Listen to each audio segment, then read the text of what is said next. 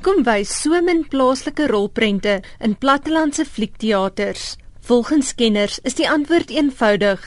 Sowat 65% van ons land se fliekskerms is in Gauteng, terwyl die Kaap 20% daarvan het.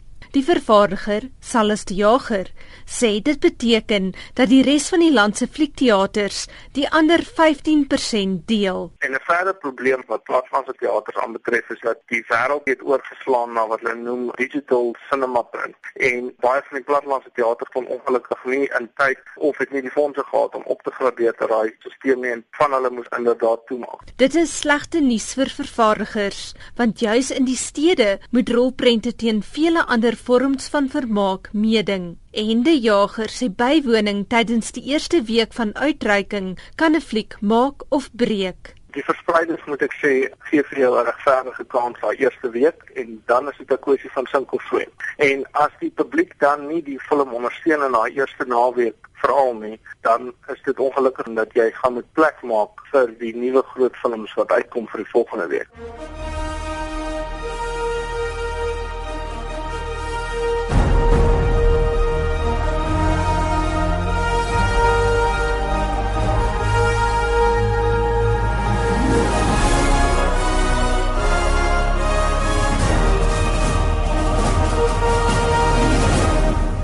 Die veteraanredigeerder, Ronel Loots, het in 'n onderhoud by die Silverskermfees die plaaslike verspreiders skerp gekritiseer. Loots, wat al vir Katinka Heinz, Koos Roots en baie internasionale regisseurs gewerk het, sê die verspreiders respekteer nie ons land se rolprente nie, selfs al word hulle in die buiteland bekroon. Kyk, die onderwerp van verspreiding is iets wat jy my eintlik nie oor moet vra nie, want dit laat regtig my bloed kook.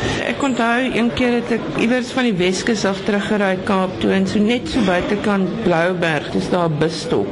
En ek kan nie presies onthou wat 'n movie groot geadverteer is nie. Dit was was oorseese aksiefilm, maar in daai week was die bekendstelling van Carmen Ecaliche wat toe net die Golden Bear toekenning by die Berlynse fees gewen het. En daar was geen advertensie vir mense hierdie fliek net eenvoudig nie gaan kyk nie en dit is een van die ongelooflikste movies wat nog ooit in hierdie land gemaak is. En ek sluit daarbey al oh, die wonderlike films wat Jans Rautenbach gemaak het. En niemand het dit gesien nie want die verspreiders het dit nie Ag. Maar 'n kenner op die gebied van loketinkomste en internasionale blogger, Jared Jong, sê verspreiding is en bly 'n besigheid. Daar is 'n klomp onafhanklike films wat net 19 skerms maak en al. En dit hang maar basies van jou verspreider af. Jou verspreider kyk na die fliek vooraf, voel wat hulle gaan terugmaak. Onthou elke eksemplaar wat gemaak word kos geld. Dit is nie verniet om jou fliek op die skerm te sien. So as jy 119 afskrifte gaan maak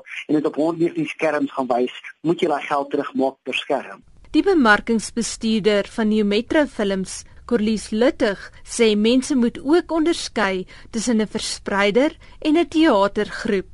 Alhoewel verspreiders en teatergroepe onder een handelsnaam kan val, soos in die Metra Films en in die Metra Teaters, is hulle tog aparte besighede.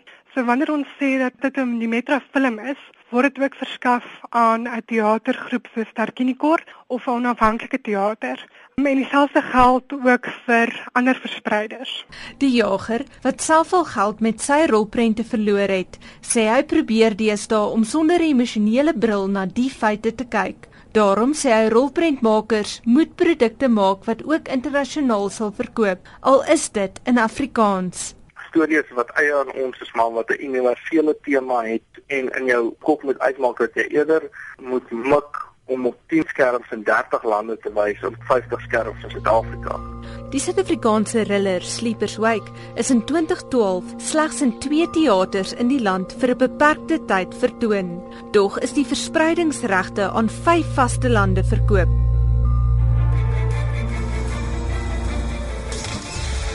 Nog so 'n voorbeeld is die Afrikaanse waaghalstoertjie fliek Boston Chops wat op die sogenaamde Amerikaanse Jackass konsep gebaseer is. From the craziest South African stunt crew kom die monster fliek in ons geskiedenis.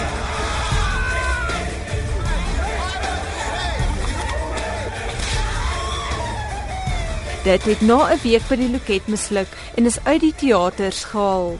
Maar sedertdien is dit al in 7 lande verkoop waar dit in Afrikaans met onderskrifte gewys gaan word. En in Suid-Amerika word dit oorgeklank. Die vervaardiger, Dani Barnard, sê selfs Chinese gaan binnekort die fliek sien. China is baie streng met hoeveel flieks in hulle land inkom. So daar mag net volgens hulle 16 internasionale flieks inkom per jaar en Boston Jobs is een van die 16 internasionale flieks.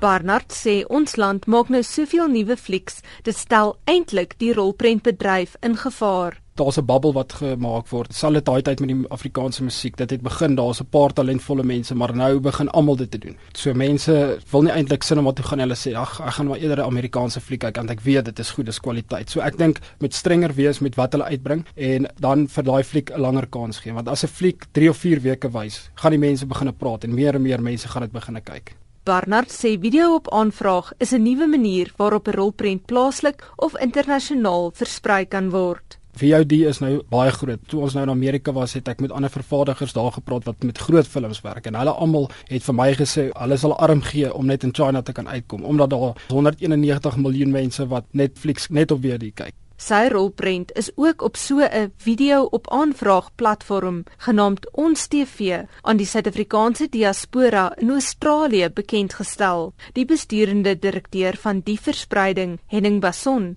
sê hulle teiken sowat 300 000 mense met die platform, maar hulle het ook al twee Afrikaanse flieks in teaters daar versprei in Perth en in Brisbane in hulle megateaters het ons klein karoo gewys. En daai teaters sit omtrent 500 plus mense. Jy kry hoendersvleis. As die mense in die teater instap, dan stop hulle oor, "Wow, dit was regtig so 'n onbeskryflike gevoel geweest." Bason sê dit het hom net weer eens laat besef hoekom mense flieks in teaters gaan kyk. In Australië fliekkaart is die. Fliekkaart kos maklik R170 persoon en die mense is bereid om dit vir 'n gesin te betaal. Dit is 'n R1000 tripie en die mense betaal dit. Dit was die rolprent verspreider Henning Bason en ek is Anne Marie Jansen van Vuren in Johannesburg.